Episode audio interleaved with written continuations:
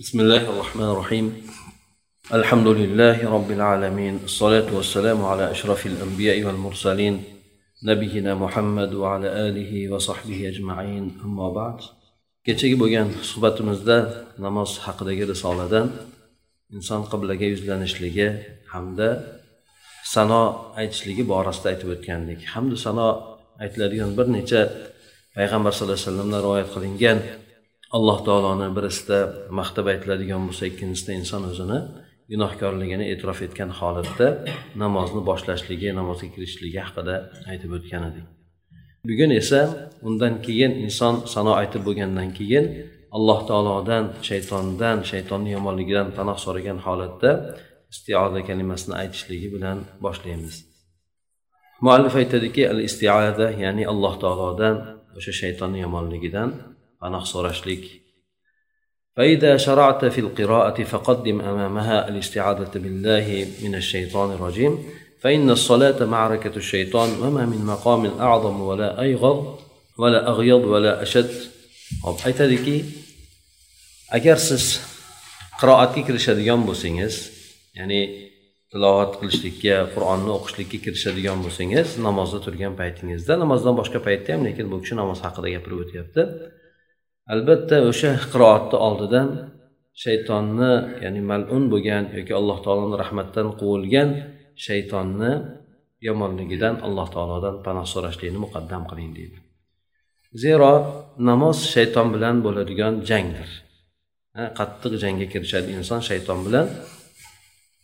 Negaki inson taqdim etadigan eng afzal ibodatlardan birisi namoz bo'ladigan bo'lsa albatta shayton bunga rozi bo'lmaydi shuning uchun insonni u narsadan burishlikka qattiq harakat qiladi shayton uchun eng og'ir bo'lgan eng g'azabliroq bo'lgan qattiqroq bo'lgan joy maqom yo'qdir namozdan boshqa demak shaytonga bu, bu darajadagi bo'lgan maqom yo'qdir deb aytib o'tadi وهو حريص على هزيمتك فيها لتبوء بالخذلان في مقام من أشرف مقامات العبد وأنفعها له في دنياه وأخراه shayton sizni chekintirishlikka judayam harisdir judayam qattiq qiziqadi yoki harakat qiladi xohlaydi sizni mana shu namoz borasida chekintirishlikka doimki banda uchun dunyosiyu oxiratida eng foydali bo'lgan eng sharafli bo'lgan maqomotlardan bo'lmish mana bu namoz o'rnidan sizni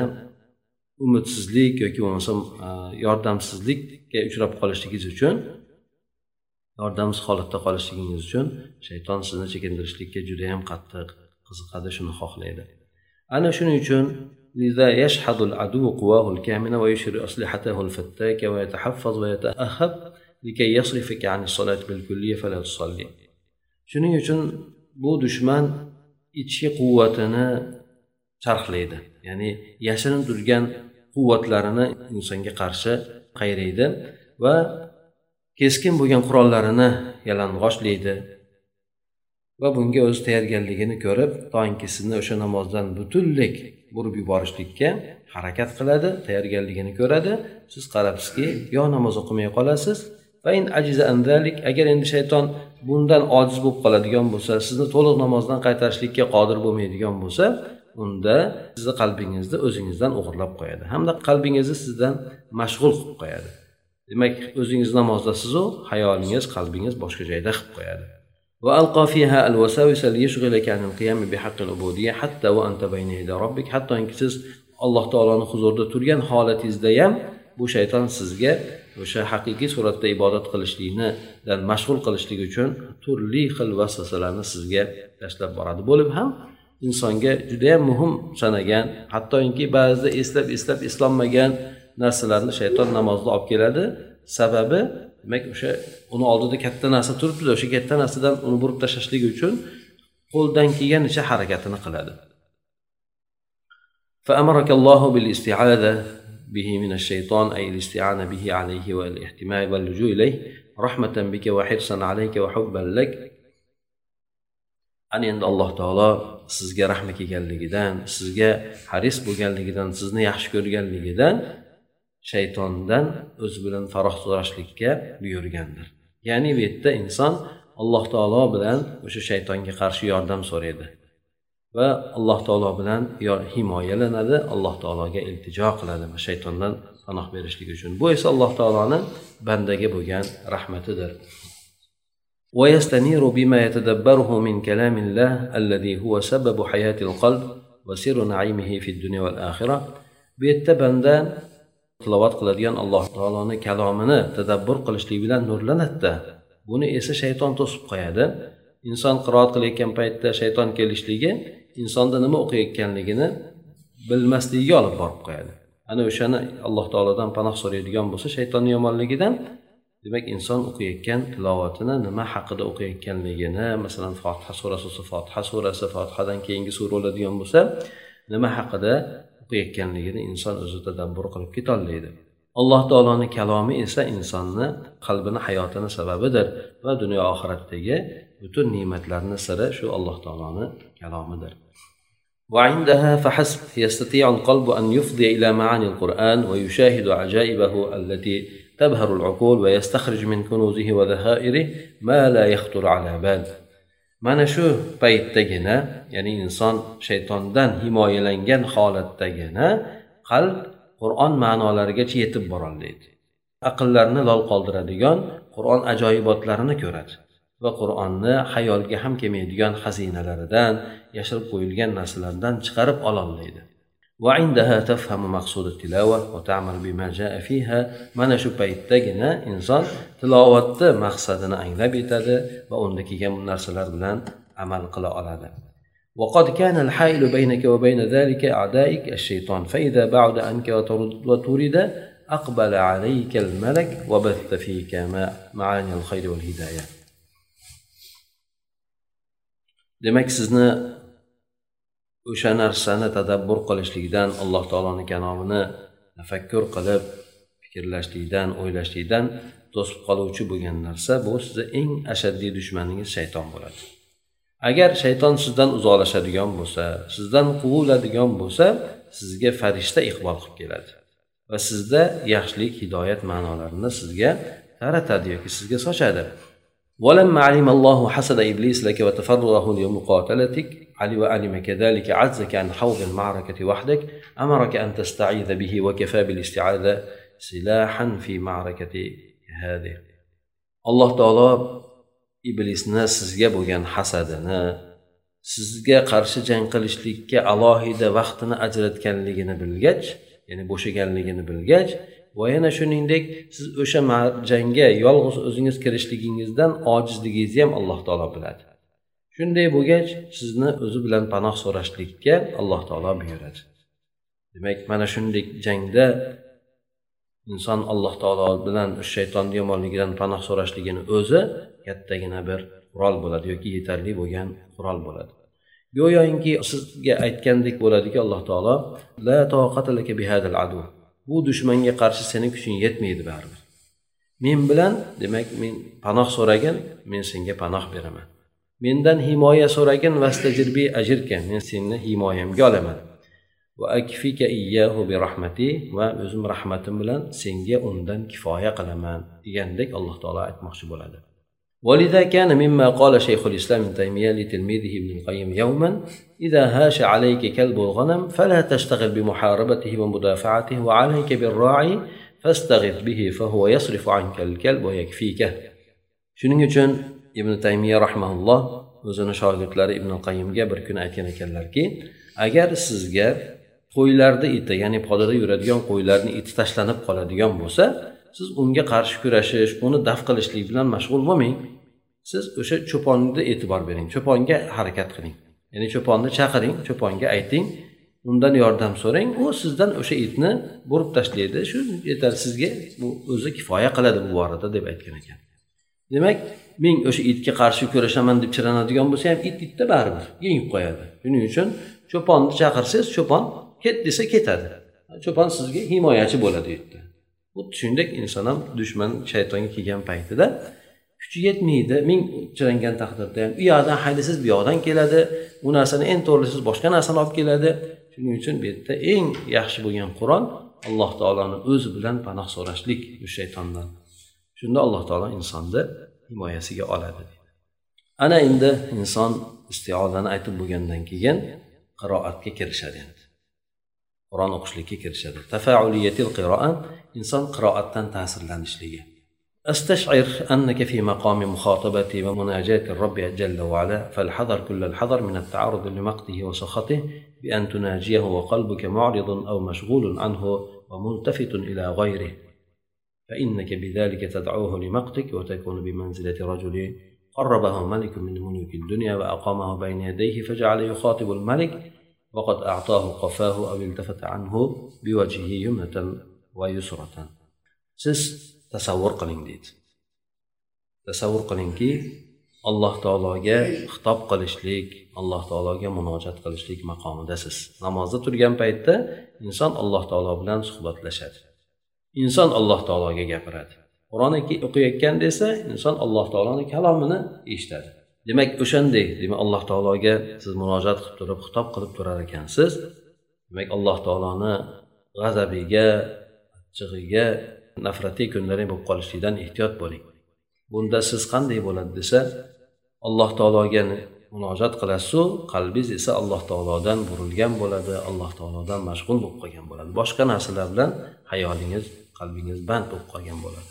Va bu ollohdan boshqalarga iltifot qilib qarayotgan bo'lasiz. Bu bilan esa siz alloh taoloni sizga bo'lgan g'azabini o'zingizga chaqirib chorlab olyapsiz. Siz go'yoki bu o'rinda bir odamni manzilatda bo'lasizki dunyo podsholaridan birisi uni o'ziga yaqinlashtirgan va oldiga turgizib qo'ygan. U odam esa podshoga xitob qila boshlaydi. Xitob qiladiyu lekin podshoga teskari o'girilib oladi.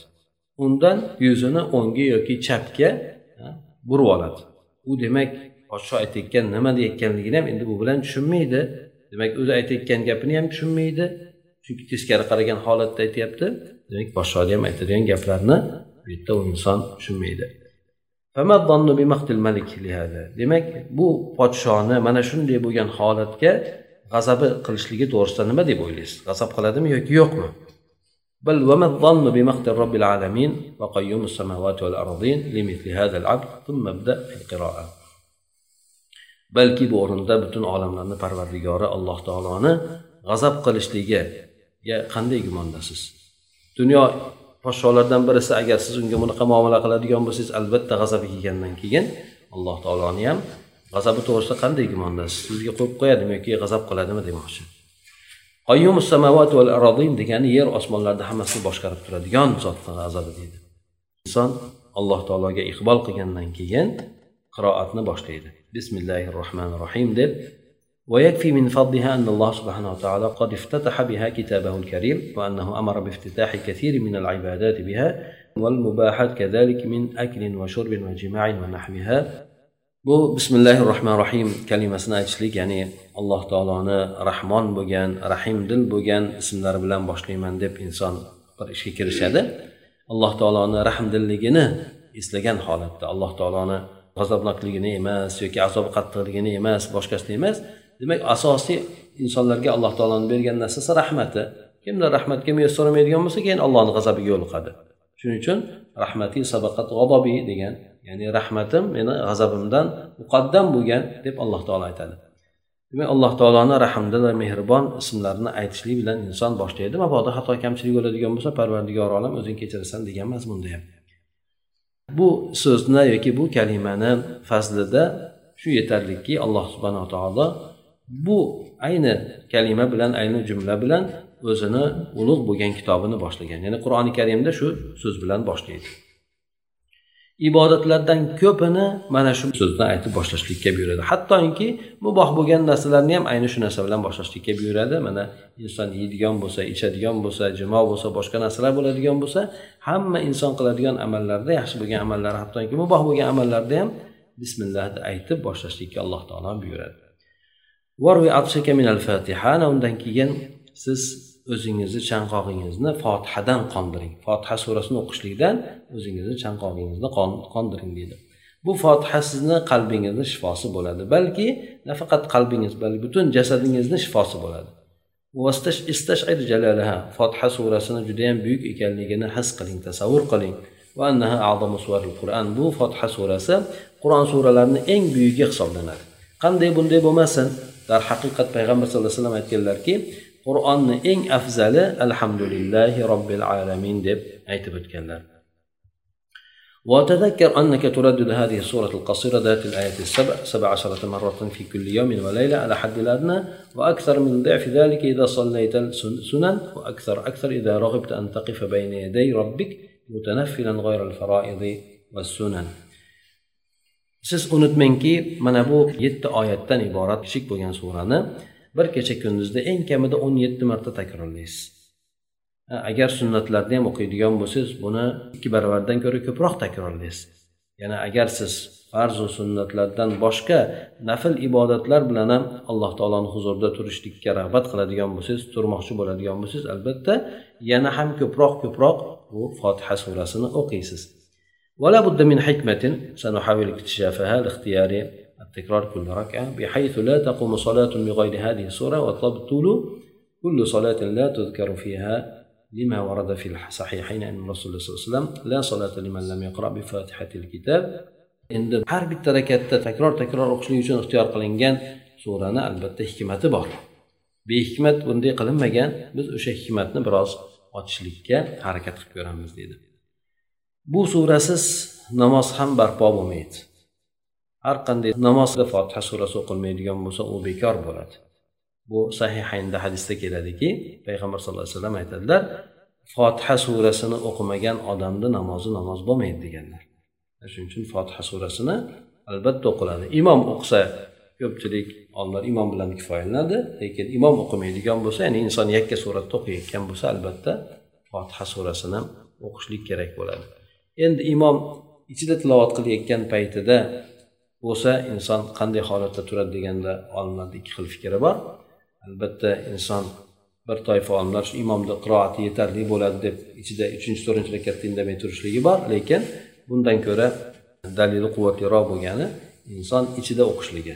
Fotiha surasini garchi imom ichida o'qiyotgan bo'lsa ham ichida o'qishligi endi imom oshkor o'qiydigan bo'lsa unga tinglab bomdod namozida bo'lsin shom xufton namozidek avvalgi ikki rakatida bo'lsin bunda imomni orqasidan imom bilan birgalikda yoki orqasidan takrorlamasdan jim turadi agar imom o'qigandan keyin vaqti bo'ladigan bo'lsa o'qib qo'yadi agar vaqt bermaydigan bo'lsa o'sha imomni o'zini tilovati bilan yoki qiroati bilan kifoyalanadi endi mana aytib o'tadiki fotiha surasini biroz tafsilotiga kirishyapti تأمل أنها هي السورة الوحيدة التي يجيبك الله فيها بنفسه بعد كل آية من آياته buni yaxshi bir tafakkur qilib ko'ring mana bu sura alloh taolo sizga unda har bitta oyatdan keyin o'zi ijobat qilib turadigan yagona bir suradir. Demak inson fotiha surasini o'qiyotgan paytda boshqa bironta surada bunaqa yo'q deydi. Faqat fotiha surasini o'zidagina siz o'qigan paytingizda har bir oyatda alloh taolo sizga javob qilib turadi dedi. Shuning uchun har bitta qif inda rasi kulli ayatin vaqfatan yasira. Har bitta oyat tugayotgan paytida qisqa muddat to'xtang deydi ya'ni alhamdulillah bir surva o'qimasdan alhamdulillahi robbil alamin ar rohmanir rohim maliki yavmiddin deb biroz biroz to'xtab to'xtab o'qing dedi. Qalbingiz qulog'i bilan o'zingiz qulog'ingiz bilan eshitmaysiz qalbingiz qulog'i bilan robbingizni javob berishligini eshitishlikni kutib turing. Alloh taolo javob berishligini eshitib kutib turing dedi. Ya'ni aytib o'tdik buni hadisda keladi. Mana aytadiki alloh taolo inson alhamdulillah robbil alamin deb aytadigan bo'lsangiz deydi alloh taolo aytadiki hamidani abdi. Ya'ni bandam menga maqtov aytdi deb alloh taolo aytadi. Bu sahih hadisda keladi. Inson alhamdu surasini har bitta o'qigan nimasiga alloh taolo tomonidan javob bo'lib turadi. Lekin ma huval hamd bu kishi aytadiki alloh taolo aytdi mana menga bandam hamd aytdi dedi. Yoki bo'lmasa inson butun olamlarni parvardigori alloh taologa hamd bo'lsin dedi. Hamd degani o'zi nima degani? Hamd bilan shukurni o'rtasidagi farq nima? Inson hamd aytadi alloh taologa shukur keltiradi. Yoki bo'lmasa arab tilida yana boshqa bir so'z ishlatiladiki maqtov degan so'z bor madh qilishlik deydi. Bu bilan hamd o'rtasida qanchalik farq bor? Demak nimaga aynan alloh taologa maqtov demaymizda hamd kalimasini ishlatamiz? Arablarda asosan maqtashlikka madh kalimasini ishlatadi. Buni javobini aytadiki bu kishi hamd aytishlik inson hamd shuning uchun e, keladi ya'ni yaxshi ko'rgan kimsaga nisbatan aytiladi. Hamd shukr. Ya'ni shukur aytishlikdan ko'ra umumiyroqdir. Ham bilan shukur ikkalasi alloh taologa maqtov borasida ishtirok etadi. Shukur ham allohga keltiriladi hamda ham allohga aytiladi. Lekin deydi hamd aytishlik ollohni bergan ne'matlarga shukur aytishlikni ham o'z ichiga oladi bundan tashqari yana alloh taologa chiroyli bo'lgan maqtovlar ma'nosini ham o'z ichiga oladi. Bu alloh taologa loyiq bo'lgan alloh taoloni go'zal sifatlari bo'lsin judayam ulug' ajoyib bir ismlari bo'lsin shu narsalarni keltirishlik bilan aytib o'tishlik bilan alloh taologa chiroyli maqtov aytishlik ma'nosida ham o'z ichiga oladi. Demak hamd aytishlik ham alloh taoloni maqtashlik bo'lar ekan ham alloh taologa shukur aytishlik ma'nosini o'z ichiga olar ekan. Ana o'shandan aytadiki falhamdu shukr. Hamd aytishlik alloh taologa shukur aytishlikdan ko'ra umumiyroq bo'ladi ikkalasida ham o'z ichiga olganligi uchun لأنك تحمد على الصفات الذاتي والعطاء لكنك لا تشكر إلا على العطاء hamd aytishlikda siz agar hamd aytadigan bo'lsangiz alloh taoloni zotiy sifatlariga ham alloh taoloni o'zini ham maqtab hamd aytasiz allohni bergan narsasiga ham hamd aytasiz lekin shukur qiladigan bo'lsangiz faqatgina alloh taoloni bergan narsasiga shukur qilasiz xolos lekin unda alloh taoloni sifatlariga shukur qilolmaysiz balki alloh taoloni bergan narsasiga shukur qilasizda alloh taoloni sifatlariga esa inson hamd aytadi. Hamd aytishligi alloh taoloni maqtaydi parvardigor olam sen unday zotsan bunday zotsan deb turib maqtab turib shu bergan narsangga senga shukur aytaman deydi. Demak inson alloh taoloni sifatlariga shukur keltirmaydi balki bergan narsaga shukur keltirib sifatlarini maqtab aytadi inson. Endi hamd bilan maqtovni o'rtasidagi farqni aytadigan bo'lsak ikkalasi ham maqtashlikka ishlatiladi arablarda lekin unisi boshqa bunisi boshqaga ishlatilar ekan bilingki أن الإخبار عن محاسن الغير إما أن يكون إخبارا مجردا من الحب والإرادة أو مقرونا بحبه وإرادته فإن كان الأول فهو المدح وإن كان الثاني فهو الحمد bilingki bir boshqa bir zotni yoki boshqa bir kimsani agar yaxshi ko'rishdan yoki xohlashdan qat'iy nazar ya'ni u haqida xabar berilishi mumkin. Yoki bo'lmasa uni yaxshi ko'rib o'zi xohlab birov haqida xabar berishlik mumkin ya'ni maqtab aytishlik mumkin. Birovni aytaylik yaxshi ko'rib yoki xohlashligi e'tibori bo'lmasdan inson birovni maqtashligi mumkin. Birovni maqtaysiz lekin uni yaxshi ko'rasizmi yoki bo'lmasa xohlab maqtayapsizmi uni e'tibori yo'q. Boshqa bir tomondan esa yana boshqa kalima holat borki unda siz maqtayotgan kimsangizni ham yaxshi ko'rasiz ham uni o'zingiz xohlab maqtaysiz. Agar siz o'sha xohish yoki iroda muhabbat bu yerda aloqasi bo'lmaydigan bo'lsa insonni aytayotgan so'zi bu yerda madh deyiladi. Falonchini madh etdi maqtadi degani bu inson yaxshi ko'radigan odam bo'lishi mumkin bo'lmashi mumkin. Demak umumiy suratda buni maqtamasdan birovda nima aytadigan bo'lsa uni madh deyiladi. Lekin albatta inson yaxshi ko'rib turib o'zi xohlab turib maqtaydigan bo'lsa buni ham deb aytiladi deydi. Demak ham bilan madihni farqi shu yerda. Inson o'zi yaxshi ko'rib xohlab maqtasa u hamd bo'lar ekan. Agar inson undan xoli bo'lgan holatda ya'ni unga qizig'i yo'q maqtab qo'ysa ya'ni bu odam yaxshi odam yoki falon ishini maqtab qo'yadigan bo'lsa garchi kofir adolat qiladigan bo'lsa adolatini maqtaydi bu yerda. Shunga o'xshagan demak uni yaxshi ko'rib iroda qilmasdan maqtashligini u madh deyiladi lekin inson yaxshi ko'rib maqtasa xohlab maqtasa buni madh ham deb aytilar ekan. Demak alloh taologa inson hamd aytadi. Negaki? Alloh taoloni yaxshi ko'radi u hamd aytishlikni inson xohlab aytadi. Bilingki deydi annal hamda lillah tamlaul mizan. Inson alloh taologa hamd aytishligi alhamdulillah deyishligi bu narsa insonni tarozini to'ldirib beradi. Qiyomatdagi tarozini to'ldirib beradi bu esa hadisda keladi. Alhamdulillah tamlaul mizan deb hadisda aytiladi. va anna duo alhamdulillah yana boshqa bir hadisda keladiki duoni eng afzali allohga hamd aytishlik degan ekan demak inson allohdan so'raydigan narsasini eng afzali boshlashligi ham allohga hamd aytishlik bo'ladi وأنه ما أنعم الله على عبد نعمة فحمد الله عليها إلا كان ذلك الحمد أفضل من تلك النعمة yana hadisda keladiki alloh taolo bir bandaga bir ne'matni ato etgan bo'lsa farzand ne'matimi yoki bo'lmasa aytaylik ilmmi e, boshqa qanaqadir bir ne'mat ato etadigan bo'lsa o'sha bergan narsasiga allohga hamd aytadigan bo'lsa hmm, shukur qilib alloh taoloni maqtaydigan bo'lsa o'sha hamd aytishligi o'sha ne'matdan ko'ra afzalroq bo'ladi. O'sha hamd aytishligini o'zi alloh taolo bergan katta ne'mat deyapmizku endi masalan. O'sha ne'matdan ko'ra o'sha hamd aytishligini o'zi afzalroq bo'lar ekan.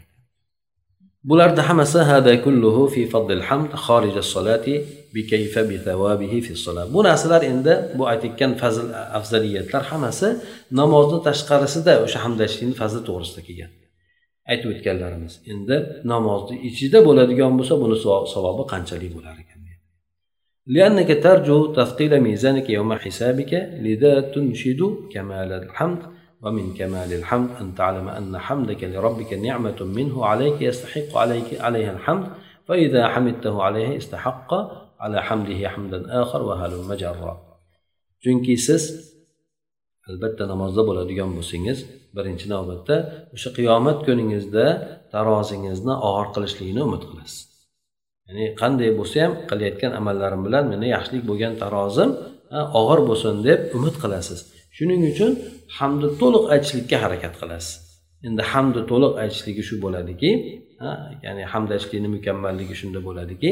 Siz bilingki robbingizga bironta bir ne'matiga hamd aytadigan bo'lsangiz ya'ni hamd loyiq bo'lgan ne'matiga hamd aytadigan bo'lsangiz endi bir marta unga hamd aytadigan bo'lsangiz o'sha hamd aytishligingizni o'zi ham boshqa bir hamd aytishlikka loyiq bo'ladi.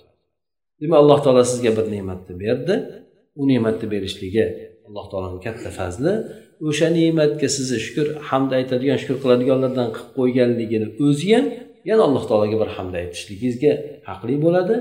Siz yana o'sha yana hamd aytadigan qilib qo'yganligiga yana alloh taologa hamd aytishingizga haqli bo'ladi. Demak mana shunday inson har bitta alloh taolo sizga beradigan ne'mati bo'lsin undan keyin hamd aytishlikka muyassar qilgani bo'lsin yana hamd aytadiganlardan qilib qo'ygan bo'lsin hammasi hamd aytishlikka haqli bo'ladi o'sha amallar deydi mana shuningdek فالعبد لو استنفض أنفاسه كل في حمد نعمة واحدة من نعم الله عليه كان عليه من الحمد عليها فوق ذلك وأضعاف أضعافه قال أوزاي سمعت بعضهم ينشد في حمام banda agar butun nafaslarini hammasini alloh taoloni shu bergan bitta ne'matini o'ziga hamd aytishlikda ketkazib yuboradigan bo'lsa u bandaga bundan ham ko'ra hamd aytishlik lozim bo'ladi ya'ni butun aytaylik nafaslarni oxirigacha bitta ne'matga hamd aytadigan bo'lsa bu ham kam. Yana undan ham ortiq yana bir qancha yana banda hamd aytishlikka muhtoj bo'ladi alloh taologa deydi. Ya'ni bu degani nima? Degani mana aytaylik bandaligi bir eslab ko'radigan bo'lsak bir banda alloh taologa besh yuz yil o'tgan ummatlarni ichida keladida gunoh qilmasdan ibodat qilgan. Alloh taolo uni keyin bu bandamni rahmatim bilan jannatga kirgizinglar desa parvardigor olam men amalim bilan kiray deydi yo'q rahmatim bilan kirgizinglar desa men amalim bilan kiray deb alloh taologa aytadi deydi. Alloh taolo bo'pti deydi. Amalni hisoblanglar deydi. Alloh taolo bitta ne'matini qo'yadi. Amallarni muqobilida bitta ne'matini qo'yadi o'sha ne'mat og'ir keladi. Parvardigor olam bo'ldi rahmating bilan jannatga kirgizgin deydi. Demak alloh taolo bitta ne'matni berishligi insonni ko'zini ko'radigan aqlni ishlaydigan butun qalbi aql a'zolarni hammasi ishlab turadigan bo'lishligi insonga behisob bo'lgan ne'matlar alloh taolo. Shuning uchun alloh taoloni bitta ne'matida inson butun umrini o'sha ne'matga hamd aytib sarflaydigan bo'lsa bandaga bundan ham ko'ra o'zi aslida alloh taologa ko'proq hamd aytish kerak. Buni bir necha bir necha barobarida o'sha nafas yetmaydigan bir qancha barobarida inson hamd aytishligi lozim bo'ladi deb aytadi. Shuning uchun imom avzoiy aytgan ekanlarki hamom haqida ya'ni lakal hamdu imma ala ni'matin va imma ala niqmatin tudfa degan ekan alloh taologa hamd aytib aytgan ekanki yo bergan ne'matingga hamd bo'lsin yoki bo'lmasa daf qiladigan g'azabingga senga hamd bo'lsin bir ne'matni alloh taolo beradi qancha qancha alloh g'azabini ko'tarib qo'yadi yoki bo'lmasa qancha qancha azobini alloh taolo ko'tarib qo'yadi baloni ko'tarib qo'yadi bermay qo'yadi bandaga ne'matini ko'ramiz azobni ko'targanini inson ko'rmaydi shu ikkalasiga ham senga hamd bo'lsin deb aytyapti لكن في مقابل تكرار حمدك يأتي تكرار ثوابك ومضاعفته كما بشرك بهذا سفيان الثوري حين قال ليس شيء أقطع لظهر إبليس من قول لا إله إلا الله ولا شيء يضاعف ثوابه من الكلام مثل الحمد لله ya'ni lekin hamdni takror takror aytishligingiz muqobilida sizga o'sha savobingizni takror takror bo'lishligi uni bir qancha bir qancha barobar bo'lishligi keladi Hamdi allohga hamdi qancha takror takror aytadigan bo'lsangiz xuddi shunday sizga uni ajr savoblari takror takror yoziladi. Bu haqida esa sufyon savriy rahmaulloh bu sufyon savriy abu hanifalarni davrida o'tgan u kishini tengdoshlari bo'lgan katta olim kishi bu kishi mashhur. U kishi shunday deb xabar bergan ekanki la ilaha illalloh deb aytishlikdan ko'ra iblisni quvvatini sindiradigan narsa yo'q. Yoki iblisga judayam og'ir bo'ladigan so'z yo'q. La ilaha illalloh deb banda aytishligidan ko'ra deb. Demak la ilaha illalloh aytishligi shaytonni judayam qattiq kuchsizlantiradi yoki bo'lmasa unga judayam qattiq ta'sir qiladi. Shuning uchun kalimani ko'tarayotgan paytda tashahhudda keladiku la ilaha illalloh deb aytishligi. Shaytonga gurji bilan urgandan ko'ra qattiqroq bo'ladi deb keladiyu. Demak o'sha la ilaha illalloh kalimasini aytayotganligi uchun. Endi alhamdu deb aytishlikka o'xshagan deydi savobi judayam ko'p bo'ladigan bironta gap yo'q degan ekan. Allohga hamd aytadigan bo'lsa savobi judayam judayam ulug' bo'ladi deb aytgan ekan واشهد عجزك عن الحمد فالرب سبحانه هو الذي ألهمك ذلك ولولا الصلاة افترضها عليك لنسيت حمده ولم تذكره فهو الحامد لنفسه في الحقيقة على لسان عبده وهو الذي أجراه على لسانك وقلبك endi o'zingizni hamd aytishlikdan ojizligingizga guvoh bo'ling deydi inson har qancha alloh taolo ne'mat bersa ham baribir alloh taologa yetarli hamd aytishlikdan ojiz bo'ladi Alloh subhanaa taolo o'shani ham sizga ilhom qilgan zotdir. O'sha hamd aytishlikka uni ham alloh taolo sizga ilhom berdi. Agar sizga farz qilgan namozi bo'lmaganda edi ehtimol alloh taologa umuman hamd aytishlikni unutib qo'ygan bo'lardingiz. Umuman alloh taoloni eslamay ham qo'ygan bo'lardingiz. Inson agar namoz o'qib turmaydigan bo'lsa ya'ni allohga hamdni ko'p ko'p aytadiku namoz turgan paytida har bitta rakatida allohga hamd aytadi. Demak o'sha narsani unutib qo'ygan bo'lardi o'zi aslini olib ko'radigan bo'lsak alloh taolo bandasini tilida o'ziga maqtov aytayotgan bo'ladi. Bandasi tili orqali o'ziga maqtov aytayotgan bo'ladi. Sababi bandani o'sha alhamda aytishlikka muyassar qilgan ham alloh taolo bandaga ne'mat bergan ham o'shanga ne'matga hamd aytadigan qilib qo'ygan ham alloh taolo. Demak alloh taolo bandani tili orqali o'ziga o'zi hamd aytyapti. Mana shu zot o'zi sizni tilingizga ham qalbingizga ham o'sha hamd aytishlikni joriy qilib qo'ygan zotdir deydi. Demak hamd aytishlik hali yana davom etadi. Endi alhamdu surasini shu boshlanishligiga kelib to'xtadik bu yerda. Allohga hamdajlik to'g'risida hali ham biroz ketyapti. Ana undan keyin alhamdu surasidagi to'liq suratda aytib o'tganimizdek alloh taoloni banda bilan ijobatlashligi haqida ham gapirib o'tadi. Demak bu yerda inson namozga kirishayotgan paytida judayam katta bir ibodatga kirishayotganligini inson demak tasavvur qilish kerak ekan. Shuning uchun unga tayyorgarlik ko'rish kerak ekan. Inson oldindan tayyorgarlik ko'rishligi masalan bilsak sunnat namozlari ham bekorga mashru qilinmagan. Insonga xuddi razminka suratida masalan aytaylik katta bir hujumga tushayotgan odam birdaniga kelib tushib ketmaydiku. Oldin ozroq bir shug'ullanib oladi o'ziga kelib oladi. Ham yo'g'ini bunday konsentratsiya qilib yoki bo'lmasa aytaylik e'tiborlarni hammasini bir joyga jamlab oladi. Sunnat namozlari ham shu narsaga ozon ham shu narsaga takbir ham shu narsaga hammasi namozga bo'layotgan tayyorgarlikni insonni masalan ruhan tayyorlatib turadi. Ana o'sha narsalardan keyin inson ha hozir namoz o'qimoqchiman deb ozonni eshitgandan boshlab aytadi. Ana e, takbir aytiladigan bo'lsa takbirda yoki sunnat o'qiydigan bo'lsa sunnatda butun jam e'tiborga olib turib ana undan keyin farz namoziga judayam katta bir ibodatga inson kirishadi. Bu o'sha aytib o'tganimizdek namozni judayam muhim katta ibodat ekanligini anglatadi.